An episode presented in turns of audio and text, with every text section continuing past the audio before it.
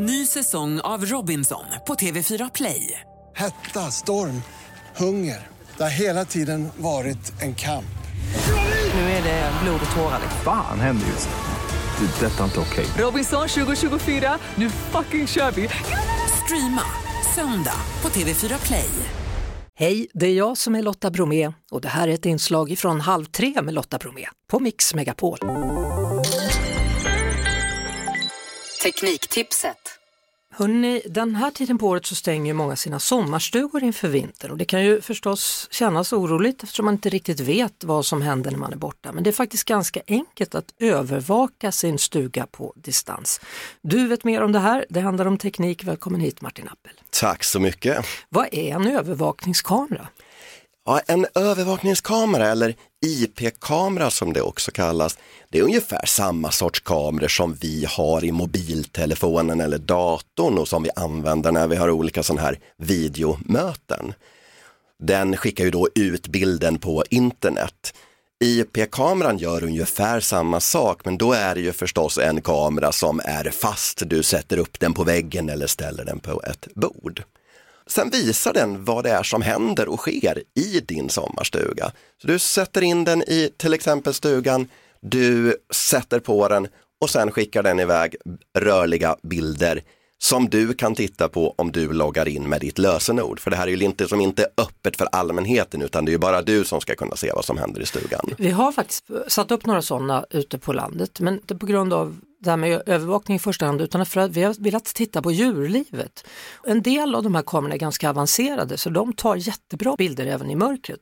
Medan andra är lite enklare och, och de funkar också alldeles utmärkt. Så vi har blandat lite där. Jo men det är verkligen magiskt med de där djurbilderna. Jag har en kollega som gör sådana saker också. Det är verkligen att se hans älgar, det känns som sagt magiskt. vi har några grävlingar kan jag säga, några rådjur, rävar. Oh, jag röstar för räven, det är min favorit. Om man inte har internet så är inte det här mycket att hänga i granen, för det behöver man ha. Du måste ha någon typ av internet för att det här ska funka.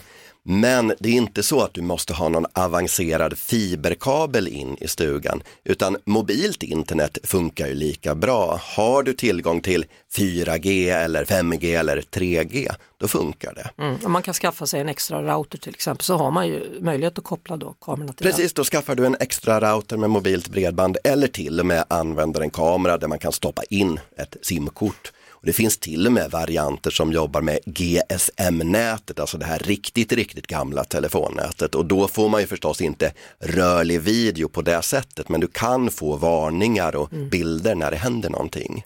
Sen är det ju så att man behöver inte sitta där och se allting live, för man kan faktiskt prenumerera på olika tjänster och då sparas det som har hänt. Så är det. Då ligger det i någon slags molntjänst, alltså på deras datorer, så att du kan gå in i efterhand och se vad det är som egentligen har hänt. För det är ju kanske inte alltid så att man vill ha aviseringarna direkt när de sker.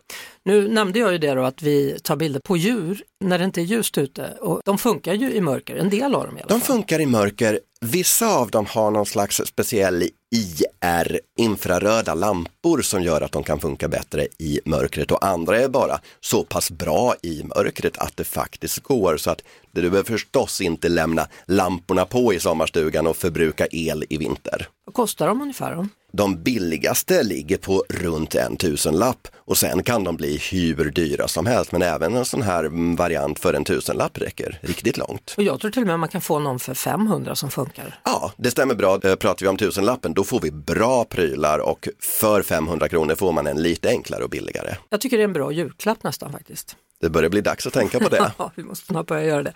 Tack för den här veckan då. Tack så mycket. Det var det. Vi hörs såklart igen på Mix Megapol varje eftermiddag vid halv tre. Ett poddtips från Podplay. I fallen jag aldrig glömmer djupdyker Hasse Aro i arbetet bakom några av Sveriges mest uppseendeväckande brottsutredningar går vi in med hemlig telefonavlyssning och, och då upplever vi att vi får en total förändring av hans beteende. Vad är det som händer nu? Vem är det som läcker? Och så säger han att jag är kriminell, jag har varit kriminell i hela mitt liv men att mörda ett barn, där går min gräns. Nya säsongen av Fallen jag aldrig glömmer på Podplay.